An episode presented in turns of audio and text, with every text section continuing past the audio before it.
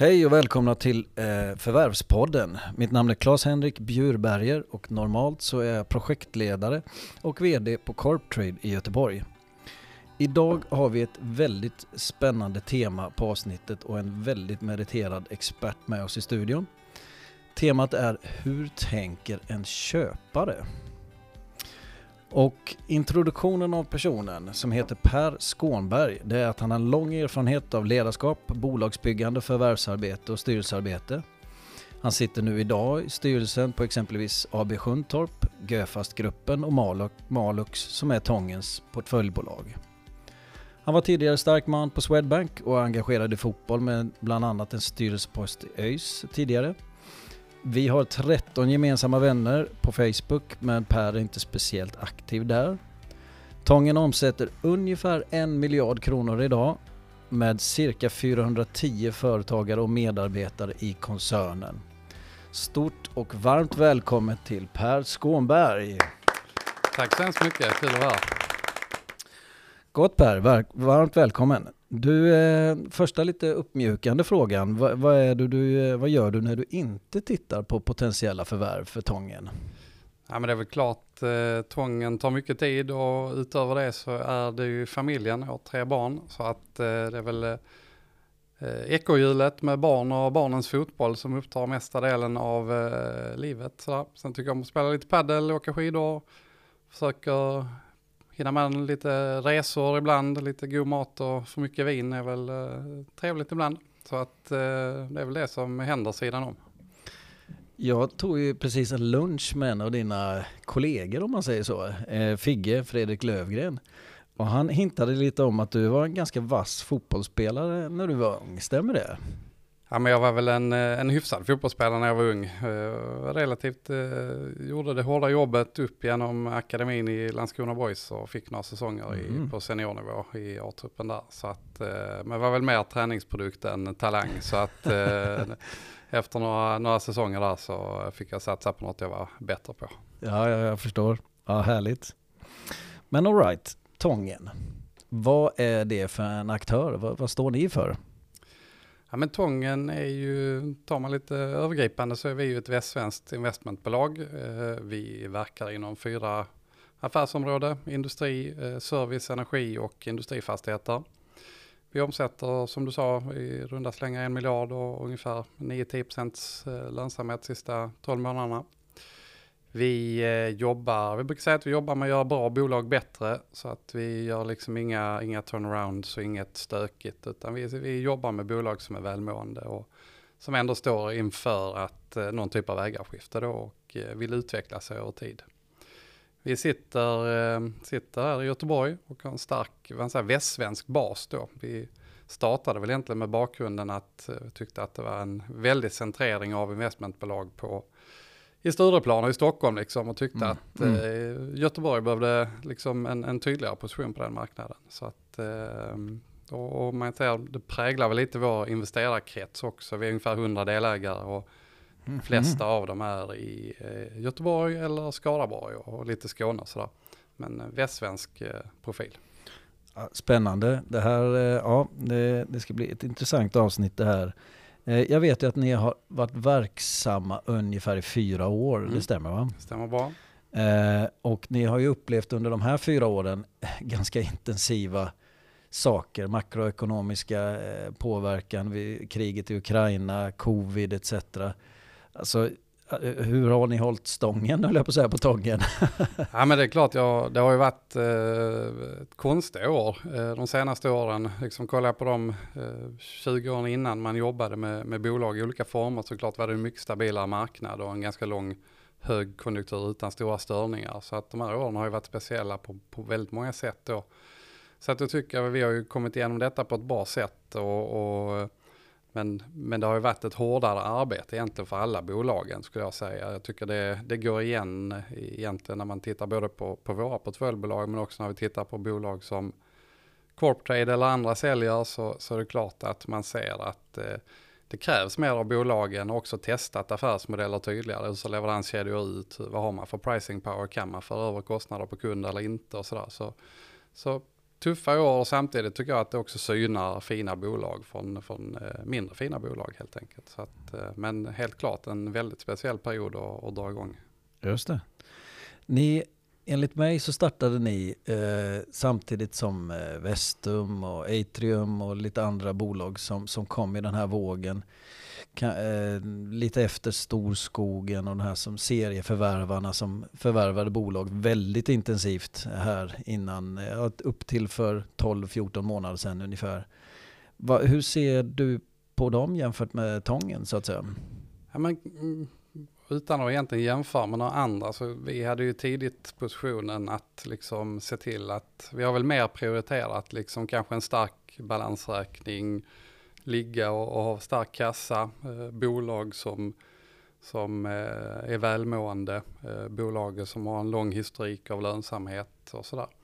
Så att eh, vi har väl kanske liksom lite andra, om man kollar man på dem som varit duktiga över tid i branschen, investmentbolag och, och så. Det finns, finns många men liksom Indutrade eller lite andra som, som kanske vi delar mer gemensamma värderingar med och tittar på liknande typer av bolag och sådär. Så, så tycker jag liksom att eh, nyckel har ju varit och det, det, har vi varit disciplinerade med. Det har ju varit att se till att ha, ja men eh, inte ha för bråttom, eh, göra förvärv i lagom takt, eh, se till att ha stark kapitalbas, se till att inte vara obligationsfinansierad till exempel utan ha en låg kapitalkostnad och starkt eget kapital. Då.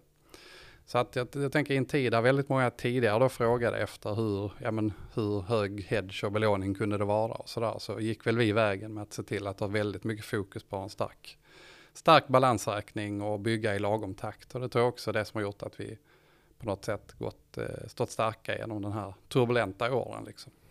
Var det en om jag ska vara lite hård mot dig, var det en fullt medveten strategi när, all, när det var liksom peak eh, season på allting? Transaktionshastigheterna var en, enormt och ma aktiviteten var enorm i Sverige.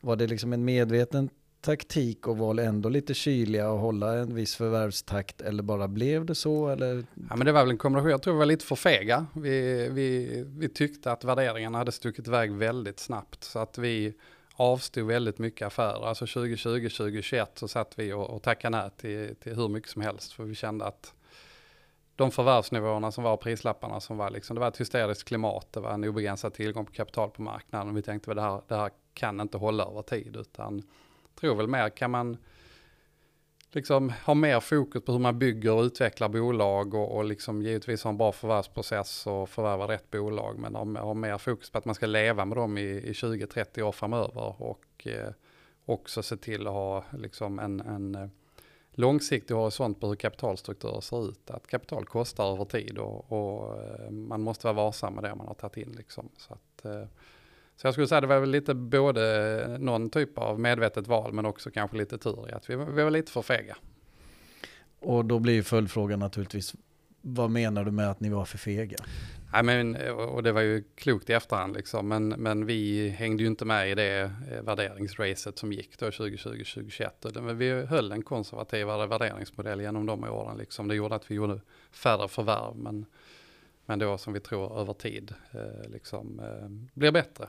Mm. Så kollar mm. man mycket på dem, det finns äh, olika konkurrenter i branschen som gör det bra. Liksom. Kollar man på de som är duktiga, de har hållit en, en, äh, varit konsekventa i en värderingsmodell och de har hållit den över tid och inte sprungit iväg när det är billigt med kapital eller när marknaden är het. Utan gör något förvärv per år över många, många år och jobbar bra med bolagen framförallt med att utveckla mm. dem. Och vi har väl mer haft den synen från början då så lite mer liksom, vi har varit eh, mer Warren Buffett-inspirerade än, än mm. eh, kanske andra typer av skolor. Då.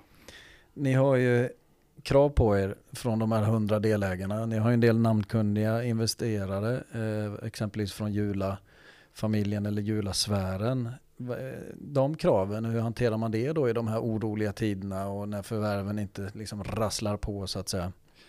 Ja, men jag tror väl vi, vi var noggranna, när vi plockade in kapital så hade vi förmånen att ha ganska stort intresse runt oss. Så att vi, vi kunde vara lite kräsna med vilka vi ville jobba med och inte. Och tydliga att vi har jobbat med eh, investerare som ser sin investering över tid. Liksom. Och vi har ju också hållit en god lönsamhet genom den här perioden, vilket har gjort att vi kunnat hålla investerare nöjda liksom. Och det är klart det är en stor skillnad.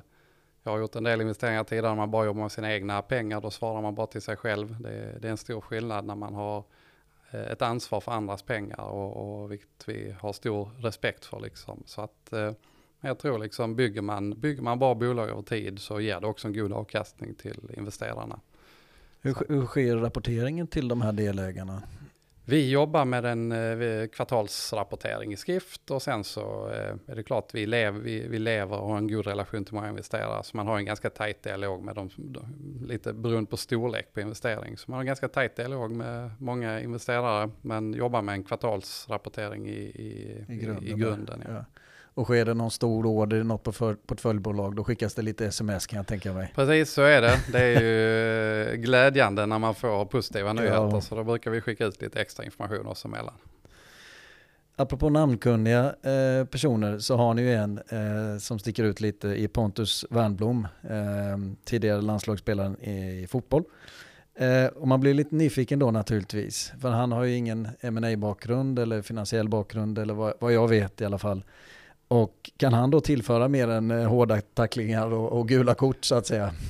Ja men Pontus han var ju en, en tuffing på, på plan men eh, är ju en person med huvudet på skaft. Eh, han har tillfört oss mycket eh, exponering. Han är väldigt duktig bland annat i, i det formatet som vi sitter i nu. Han har ju en väldigt eh, bra podd ihop med några andra blåvita kollegor där eh, och har en, en eh, stor massmedial räckvidd. Så att Pontus har hjälpt oss med marknadsföring och ut på ett bra sätt. Men, så att eh, han är väl inte den första jag rådfrågar kanske just kring investeringar men, men han, har ett, ett, han har en bra bakgrund även i investeringar och gjort, gjort mycket bra i andra bolag också.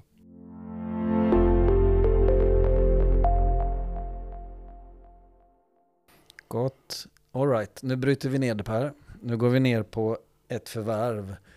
Kategoriskt kan du svara på vad är ett bra förvärv? Ja, men ett bra förvärv är ju ett bolag som vi jobbar med över lång tid eh, framöver. Då. Förvärvet i sig, ofta tycker jag ju att det blir lite väl mycket fokus på själva förvärvet och förvärvsprocessen. Utan det handlar om att få in bolag i, i vår bolagsgrupp där vi kan kan vara med över tid och utveckla över tid och där det är eh, liksom en god lönsamhet. Sen är det ju mycket liksom, ja, formalia och, och sådär som behöver säkerställas och i förvärvsprocess behöver man ha en god, liksom, man ska ju kanske leva med varandra efter förvärvet också så det gäller ju att ha en bra process och bra stöd för båda parter och god dialog och god ton sådär. Men det allra, allra viktigaste det är ju att det är ett bolag som, som, vi, som passar in i vår bolagsstruktur, i vår kultur och som vi kan jobba med på ett lönsamt sätt över, över lång tid. Gott. Jag kan verkligen förstå det du säger med att fokuset blir på förvärvsprocessen, genomlida DDn, får eh, aktieöverlåtelseavtal eh, etc. på plats och få affären i mål, skåla lite i champagne eller vad man nu gör. Eh, jag förstår verkligen den resan här och på, då, på något vis har man liksom uppnått någonting uppnått då. Men det är väl då resan börjar antar jag. Så är det och jag tycker det är spot on liksom. För det, det, är ju egentligen startskottet för oss. Det andra är ju en, en process för att ta oss dit vi vill vara liksom. Och ibland köper vi av någon som ska lämna bolaget, ja då är det ju eh, också ett adjö med den personen. Men väldigt ofta är det kanske någon som ska vara kvar i verksamheten eller delvis eller ha barn i verksamheten. Så att vi ska ju leva med varandra över tid. Så därför just det jag säger att förvärvsprocessen blir oerhört viktig i att få en, liksom en, en, en schysst process från alla parter. Alla ska vara nöjda och gå därifrån på ett vettigt sätt. Men vi ska också leva med varandra framåt eh, i en eller annan form.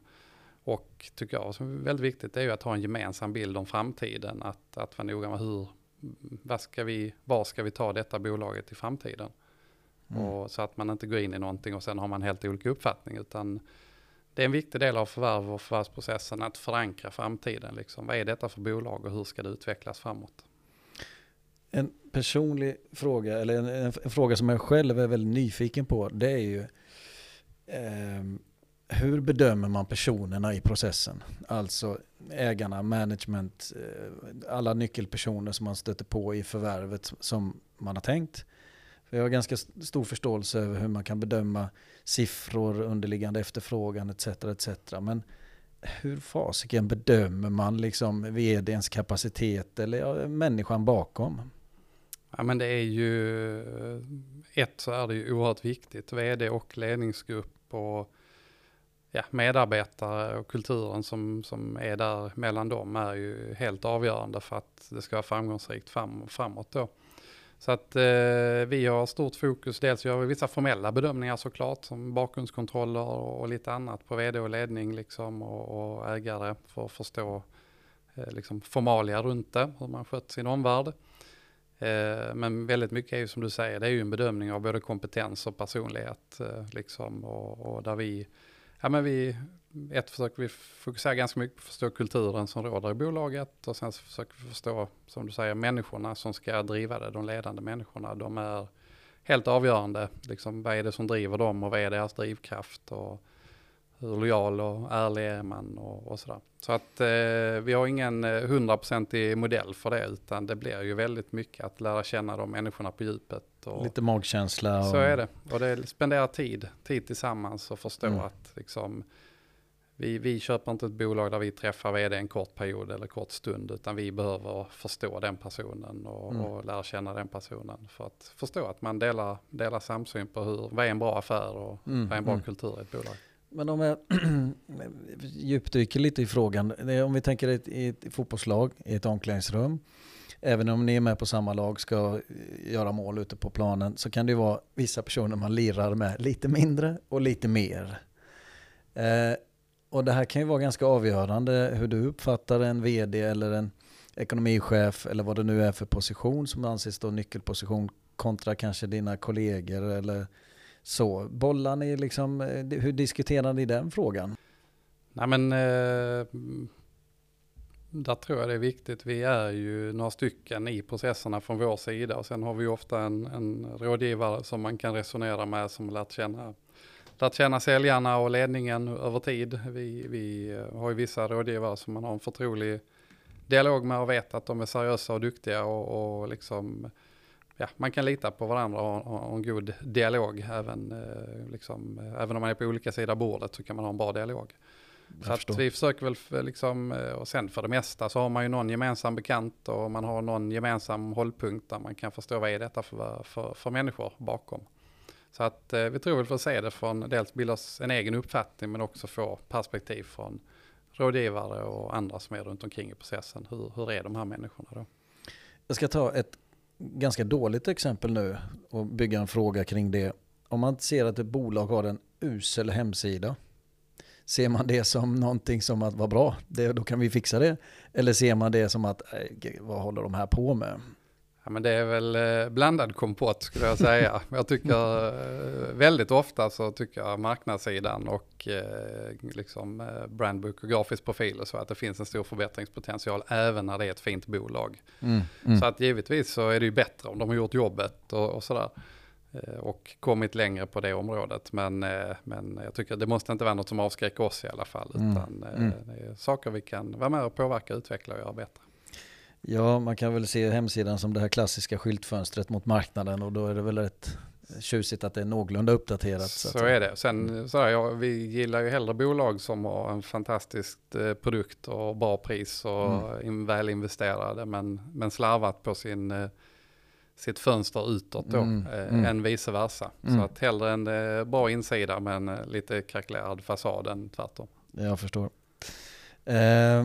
Jag vet ju att ni har ett stort nätverk eh, mellan er eh, på Tången. Men vad får ni nys om potentiella förvärv, alltså potentiella case? Vad, var kommer de in till Tången ifrån? Ja, men, eh, mycket kommer ju från eh, rådgivare, Corporate och andra som vet att vi eh, liksom är en seriös köpare och en bra aktör och de vet väl vad vi letar efter. Så att vi får ett flöde därifrån. Sen har vi ju, man kan säga där, och det gäller kanske framförallt när det är nya bolag eller sådär. När vi, eller nya plattformsbolag, när vi är i branschen, då är det ganska mycket uppsökande för oss själva på tilläggsförvärvssida då. Att Ja men till exempel i, i Sjuntorp då är det bolag inom industriservice så har vi ganska bra koll på vilka det är som skulle passa in och, kanske har upparbetat en relation till dem sedan många år. Så, där. så då är det mer ett Ja. arbete direkt mot bolagen. Ja. Men annars så är det eh, ett par duktiga rådgivare som vi har dialog med. Jag förstår. All right. nu går vi in på det som eh, på engelska uttrycket due diligence, på svenska eh, företagsbesiktning. Och hur skulle du säga, påverkar det, hur påverkar det er i bedömningen? Hur påverkar det er den informationen ni, ni hittar etc? Kan du berätta lite om det Per? Ja men eh, det den är ju en viktig del av processen. Liksom ofta har vi innan utarbetat en tanke vad vi tror och, och tänker om bolaget utifrån ja, men både offentlig data såklart och branschkunskap. Men det den blir ju viktig att både bekräfta det men också en period av att lära sig ganska mycket nytt om bolaget och lära känna vd och ledning. Så att eh, det är ju ett eh, stort arbete, ofta ganska intensivt. Eh, man på slutet på processen så är ju köpare och säljare ofta lite trötta på varandra och känner kom igen nu, nu, nu, nu får vi komma i skott, ja. till skott liksom. Och samtidigt är det en väldigt viktig process tycker jag att man låter det ta den tid som behövs liksom. För återigen, man ska leva med varandra framåt, man ska jobba, det ska bli bra för båda parter framåt liksom. Så att ja.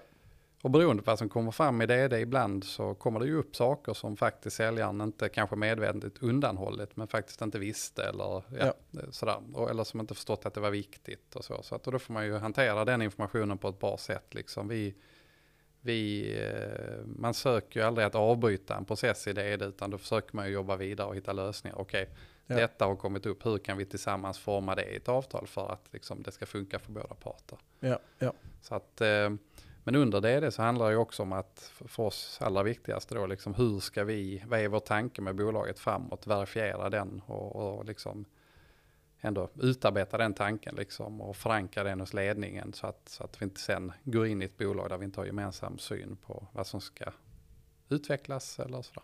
Ja. Jag förstår att det är mer än att bara säkerställa att bolagsformalian är intakt. Liksom, utan det, det, det bygger någon form av underlag för affärsplan och tankar för framtiden eh, till, mellan då säljare och Tången så att säga. Och min erfarenhet är också densamma här att vi, våra uppdragsgivare när vi sitter som säljarens och rådgivare är ofta inte Eh, det är ingen som vill luras med mening. Utan man, precis som du var inne på så kan det vara så att man trodde inte det riktigt var viktigt eller förstod inte betydelsen av det dokumentet eller handlingen eller, eller tanken. Och eh, då eh, kan det bli uppstå lite situationer att man nästan känner sig påkommen eller liksom man nästan tycker det är lite jobbig situation och då får man väl då är det ju klokt att alla har en bra kommunikation och, och på något vis kan ta det vidare som du är inne på där. Så det förstår jag. Om man går till eh, just liksom, vad är en bra och en dålig företagsbesiktning, alltså due diligence? Alltså om du kan bara, har du några riktigt usla exempel ja, av en, en DD? Några usla exempel eh, tycker jag handlar egentligen om vi har haft eh, där, där det är dåliga rådgivare inne i processen. Både liksom rådgivare, en, en, en, ja, en mäklande funktion, men det kan även vara advokat som, som blir väldigt fel.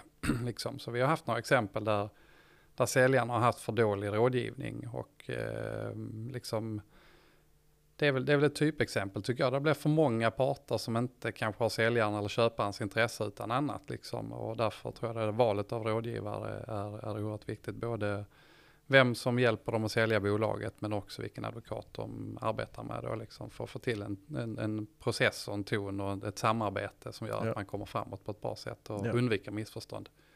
Och ja. sen också då liksom att, eh, att säkerställa liksom att formalia stämmer och sådär. Vi har också varit med några exempel där det faktiskt dyker upp saker som inte är sanningsenliga. Liksom. Så att eh, det, det, kan hända.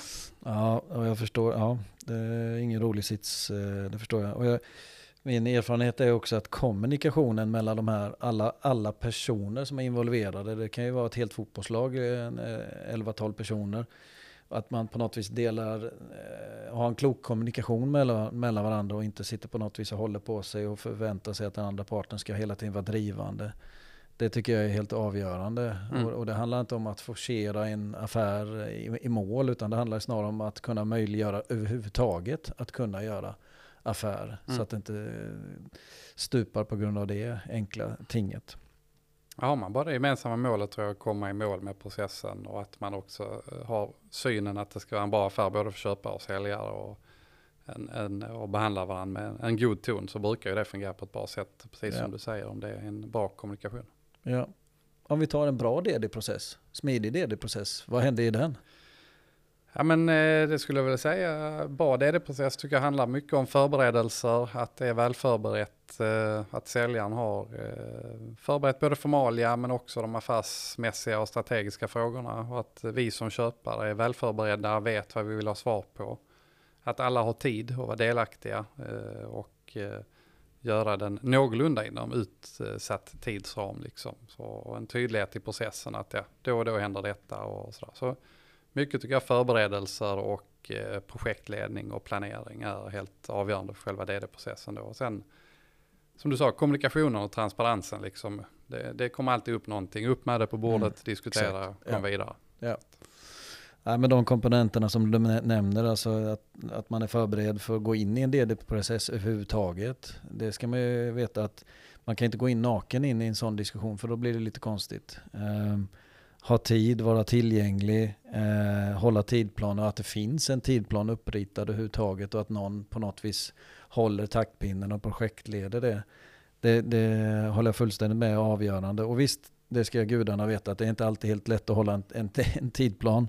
Vi brukar bygga veckobaserade tidplaner för att eh, dagsbaserade så att säga, det blir, det blir för precis i och med att rätt vad det är så är någon sjuk eller så saknar vi det och så vidare. Och så vidare. Men för alla skull inblandade så att vi vet vad start och mål är och vad varje delmoment innebär och vem vi behöver ha på bordet eller i mötesrummet vid det tillfället. Det, det är avgörande. Och det är lite, tycker jag, då respekt mot alla inblandade så att, så att eh, man undviker det scenariot att man lägger tre, fyra månader tillsammans och så blir det helt plötsligt ingenting av det. Alltså affären skälper av olika orsaker och alla står som frågetecken efteråt och undrar nästan lite vad hände liksom.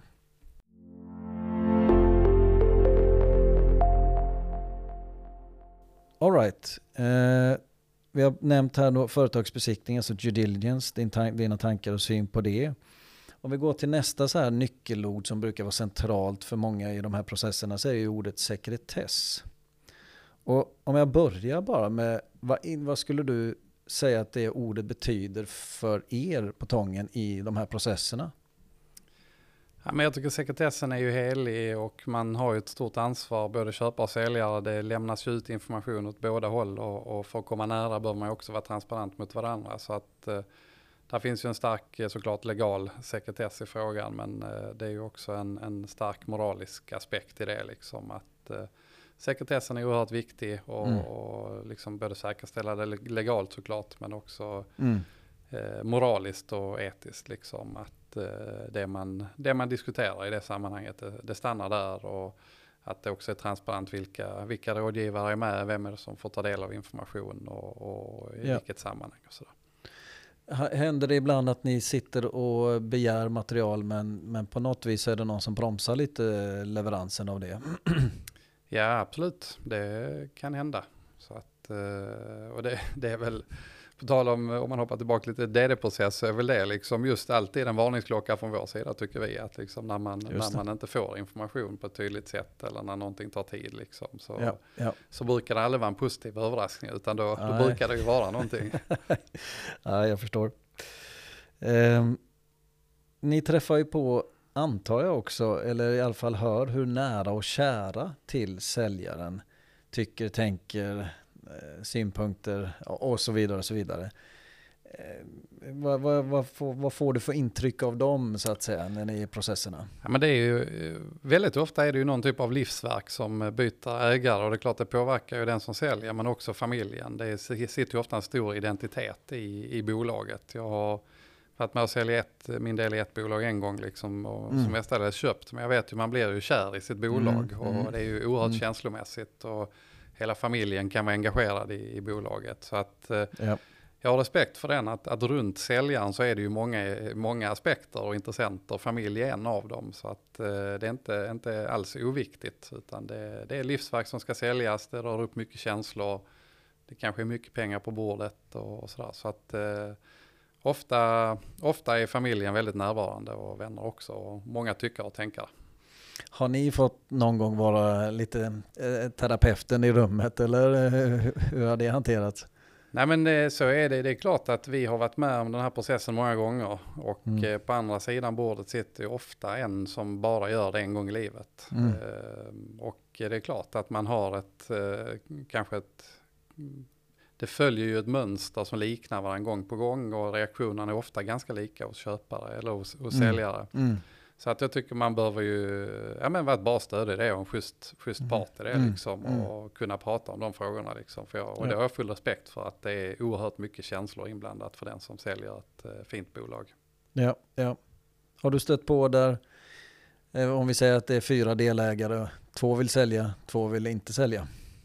Ja men det händer ju ibland att vi får den typen av eh, bolag till oss och eh, vi eh, vill väl på ganska tidigt stadie säkerställa att det finns liksom en gemensam bild eller att det finns ett, ett aktieägaravtal som gör, ser ut på ett visst sätt som gör att det kan bli, kan bli en affär helt enkelt. Eller sådär. Ja, ja. Så att otydlighet i ägar mellan säljarna eller om det är flera säljare, då, då har de ett jobb att göra ihop med rådgivaren på sin sida. Att liksom, vad är det som gäller och vill man sälja eller inte och hur ser juridiken ut bakom det då för att säkerställa att inte vi puttar in massa tid och pengar i ett arbete som inte eh, genererar någonting i långa loppet.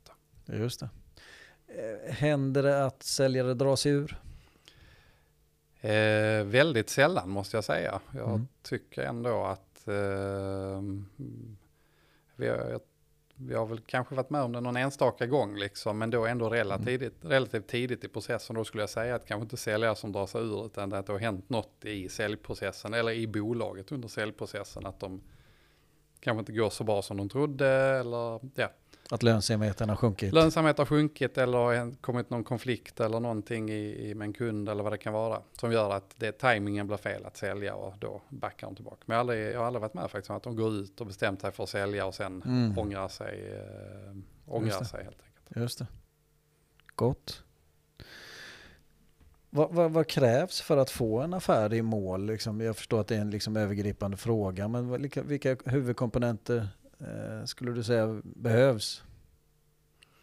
Ja, men jag tror ju att det behövs, att, att balansen behövs, att det är en bra affär både för köpare och säljare. Eh, att eh, man har en, eh, liksom en transparens och, och sund dialog mellan sig. Det tror jag väl är de liksom allra största huvudkomponenterna. Liksom det går inte att trycka jag tror, jag tror sällan det blir bra att du trycker så hårt eller utnyttjar ett maktöverläge för hårt som gör att liksom du, du pushar gränsen för hårt och då risk, tar du stora risker att affären faller. Så att jag tror liksom en sund dialog och ett bra förtroende mellan och en balans i processen, det tror jag är nycklar. Det låter både mänskligt och klokt och, och långsiktigt i mina öron. Så att det, ja, det, det, det låter väldigt bra.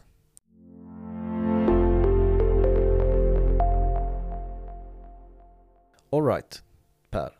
Nu har vi gjort affären. Nu, eh, nu är allting, nu har liksom glasen eh, slutat att att skålas och, och klirra. Och efter affär, vad händer då? Vad är dina erfarenheter då när, vi, när ni ska börja jobba med det så att säga, bolaget? Ja, men jag tror precis efteråt så tycker jag det brukar vara en situation där man är lite mätta på varandra, både köpare och säljare. Så att det blir nästan en, en två veckors vakuum liksom. Sen börjar ju, det är ju egentligen när förvärvet är avslutat, det är ju då vårt stora arbete börjar som, som ägare då. Just det. Och eh, det är klart vi, vi har, jag har väldigt stor respekt för att det tar tid att lära känna ett bolag. Så vi jobbar ju omvänt. Om en del kommer in liksom en 100 dagars plan att nu ska vi göra detta och detta på 100 dagar så jobbar vi väl precis motsatt. Att vi tar liksom tre månader på oss där vi faktiskt bara lär känna personalen, lär känna bolaget, förstår ännu mer. Och den perioden också verifierar det vi trodde i. Det är det. Vi gjorde de här antagandena. Hur ser det ut i verkligheten liksom? Och stämmer det? Eller ska, bör vi justera någonting i planen liksom? Mm, mm. Så att eh, vi, vi går liksom, eh, ja men går in i en, där kommer en formalia, formalia fas liksom, där vi, där vi jobbar med en hel del formalia i början liksom. Men annars handlar ju första delen, handlar om att lära känna bolaget ytterligare, förstå. Och sen Mm. då beroende på så det, kan det ju vara saker som ska integreras i ett annat bolag eller ska vara helt självständigt eller jobba tillsammans och så vidare. Så att, eh, Mm, mm. och där vi, vi genomför mm, allt, under första året genomför allt det vi en reviderad affärsplan tillsammans med ledningen där vi lägger upp en, en, en plan för de kommande tre åren. Liksom. Och utifrån det vi tror det är det, det, det väl lärt oss under de tre månaderna hur ser kommande tre år tillsammans ut och sådär. Just det, just det. Men jag måste utmana dig lite mer här. Eh, det händer ju något med folk. Om vi säger att en person, vi säger en 100% ägare, alltså någon som äger hela bolaget själv. Han eller hon får 40 miljoner på kontot, har kanske haft det helt okej okay ställt tidigare men det där är livsavgörande pengar för dem. Man säljer eh, 90% av aktierna till Tången och får naturligtvis då en, en, en, annan betydelse för bolaget och sitt ägande. Vad, vad, berätta lite om det om, när du hör detta. Ja men så är det ju. Vi, man kan säga vi tittar väldigt lite på bolag som har en, ett starkt eh, ägarberoende. Vi gillar inte bolag som är beroende av en ägare utan vi tycker om bolag där det är helst extern vd och ledningsgrupp eh, ägaren kan vara aktiv fortfarande, liksom, men det måste finnas kompetens på många olika personer i bolaget. Eh, och mycket duktig personal att hänga upp det på. Sen jobbar vi ofta med, eh, ja men det, liksom på ett eller annat sätt så behöver ägaren ha ett starkt intresse i att det går bra framåt också. Det kan vara tilläggsköpskillingar, det kan vara en återinvestering i tången, det kan vara att man ligger kvar lite som delägare. Men det måste vara säkerställt att ägaren har en, en gemensam intresse, precis som oss, att detta ska fortsätta gå bra eller ännu bättre. Så att eh, vi, eh, ja, men vi aktar väl oss nu lite efter, mm. från bolag som liksom har ett starkt ägarberoende. Det, mm. Utan mm. Vi, vi gillar när de har kanske redan gjort ett generationsskifte till en vd eller, mm. eller i alla fall liksom ha en väldigt bred spridning av kompetens i bolaget. Just det. Du nämnde en komp komponent där som tilläggsköpeskilling och eh, för att förenkla det så är det eh, en del av köpeskillingen som betalas vid ett senare tillfälle med någon form av skjutning och därmed villkor som måste uppnås för att det ska betalas ut. Och det kan vara kopplat till omsättning eller ebit, alltså lönsamhet i bolaget på rörelseresultatet. Men här kommer lite min, mitt påstående slash tanke. Jag tycker ju faktiskt att, eh, hör och häpna, tilläggsköpeskilling är bra för båda parter. Och min motivering till det, är ju att det finns ju en, ett, ett unknown i en affär från båda hållen. Både säljare och köpare har, eh, ofta säljaren har inte gått igenom en sån här process och sålt sitt bolag tidigare, uppenbarligen. Köparen sitter med informationsundertag trots DD etc. För man vet inte fullt ut hur det har varit att driva eller eh, den operativa driften i bolaget. Och därför tycker jag det är fullt naturligt att ha någon form av mekanism, livrem och hängslen för båda parter, just på det här frågetecknet som blir ju naturligtvis en risk. Och prognoser etc. i all ära i, som, som presenteras mellan parterna. Uppfylls de, bevisas vinst och omsättning, då faller tilläggsköpeskillingen ut, vilket jag i grunden tycker är en klok mekanism för båda parter. Och våra uppdragsgivare, alltså vi företräder ju ofta då ägarna eh, när, när de ska sälja. Initialt så tycker man ju det här är ett ok och tycker det är jobbigt och liksom nej, jag vill ha en clean cut, jag vill liksom få kontantbetalt etc. Men efter ett tag när man har liksom amasserat den här frågan lite och också förklarat betydelsen eh, hyggligt klokt liksom, så är man inte så rädd för det längre. Och det är ju för att man vill ju i grund och botten, det är jag helt övertygad om, att bolaget levererar det som vi har faktiskt sagt till en köpare att det ska göra. Och återigen, nu blir det mycket fokus på, på omsättning och lönsamhet, men det är ofta det som är lättast att mäta i en sån här transaktion eller efteråt. Och därmed går omsam, eh, om, omsättning och lönsamhet ner, då är ju faktiskt de facto bolaget lite mindre värt. Så att lång utläggning från min sida, men jag, jag tycker det, man kan bygga kloka tilläggsköpeskillingar för båda parter. Så att man ett år, två år eller tre år senare faktiskt kan titta på varandra i ögonen och säga det där var ju skitbra liksom. Det räddade oss båda. Så. Jag tror det är som du säger, jag tror att köparna är ju också beredda att betala lite mer om man är beredd att ta en viss del som tilläggsköpeskillingar då liksom. Så att jag tror att det kan vara bättre för säljaren. Är man som säljare trygg i att ja, men jag är relativt trygg i framtiden och de prognoser jag har lämnat så, så tror jag man kan få bättre betalt om man är beredd att ta eh, ja, men 20 till 30, 40 procent som tilläggsköpeskilling. Ja, ja. Ja, och det går, borgar ju lite också naturligtvis för, för allt som kommer fram i DDn, eh, prognoser etc. Att man vågar stå bakom det ekonomiskt mm. också. Så att eh, ja, eh, ibland kan det vara på sin plats. Eh, vi är nu fortsatt efter affär. Och eh, nu är vi på det negativa spåret igen och undrar lite, vad, vad, har, vad har varit bökigt eller dåligt efter en affär om du kan nämna någon detalj? Ja, men jag har väl aldrig varit med om några större katastrofer så efter affär. Däremot så har vi haft någon utmanande situation i ett av bolagen en gång där, där marknaden vek ganska snabbt liksom, eh, av, av liksom förklaringar som bolaget inte råder över utan eh, samhällsekonomiska förklaringar. Och det är klart att det blir ju direkt en påverkan på, på relationen med ledning och hur det går och så. Så att eh, haft en sån utmanande situation eh, och det gäller ju att där vara långsiktig, fortsätta tro på bolaget, vara med och utveckla över tid. Så ja, så går det ett år eller två så har man studsat tillbaka och har ett fint bolag och fin lönsamhet igen liksom. Så att eh, jag tror har man gjort det, det på ett bra sätt och bedömt eh, människorna som ärliga rek och så, så, så ska det inte behöva uppstå några större, större katastrofer. Det har jag aldrig varit med om. Men, men det är klart, eh, omvärldsfaktorer och annat kan du, du äger inte och kontrollerar inte allting. Liksom. Blir, det ett, blir det en pandemi, det är klart. Det får konsekvenser, ja, ja. blir det ett krig i Ukraina, det, det, det får konsekvenser för omvärlden. Ja. Liksom. Eh, och, och, det är klart, ingen kan förutspå allting av det och det, det påverkar alla bolag. Nej, så är det. Och om vi då vänder på kuttingen och går upp lite i dur istället. Vad, och, du liksom, och det kan ju vara lite positiva bara reflektioner, kanske inte är liksom ökad omsättning direkt. Utan, och du stött på någonting som att fasken där var ju nästan bättre än vad jag hade hoppats på. Liksom. Det måste jag väl ändå säga att det ofta är bättre. Alltså i en DD blir man ganska kritisk och ens roll är ju att granska och ifrågasätta lite grann. Och så jag tycker väldigt ofta blir man ju väldigt så positivt överraskad över vilken jävla kunskap och kompetens det finns ute i de här små och mm. medelstora bolagen runt om i, i Västsverige och Sverige.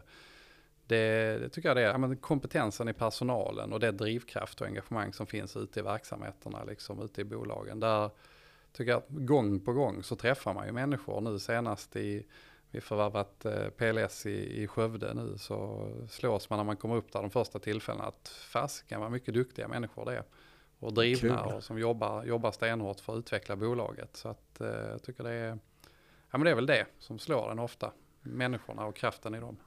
Det ger mig nästan lite hopp om mänskligheten, det ja. du säger nu. Det är härligt liksom, det är gott. All right. Vi börjar liksom komma till eh, finalen här Per, avslutningen. Och eh, om en kompis till dig som du känner väl skulle börja med tanke så här, men jag vill också där, köpa bolag, verkar spännande.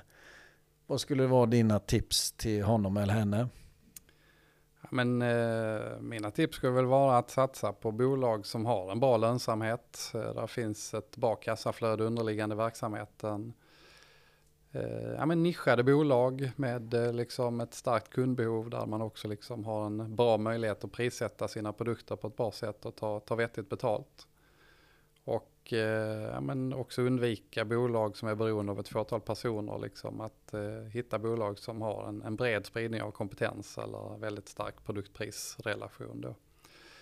Men eh, och det, det, finns ju många andra branscher och, och folk som eh, utvecklar tillväxtbolag på bra sätt och så. Men eh, det är ändå min, min rekommendation om jag skulle rekommendera närstående så handlar det om ja, men välmående sunda bolag som, eh, med stabila kassaflöden över tid. Det tror jag är en, en vinnare. Och då kommer ju 10 000 kronors frågan. Skulle du avråda dem? Eller skulle du, du säga till att kör på, det är spännande? Nej, jag skulle verkligen säga kör på, det är spännande. Det är ju mm. det jag själv lever för att liksom jobba med att utveckla bolag över tid. Det är fantastiskt roligt liksom. Och det, det skulle jag tycka alla ska få en spark i baken och göra på olika sätt. Ja, kul. Ni omsätter, omsätter ju som sagt cirka en miljard.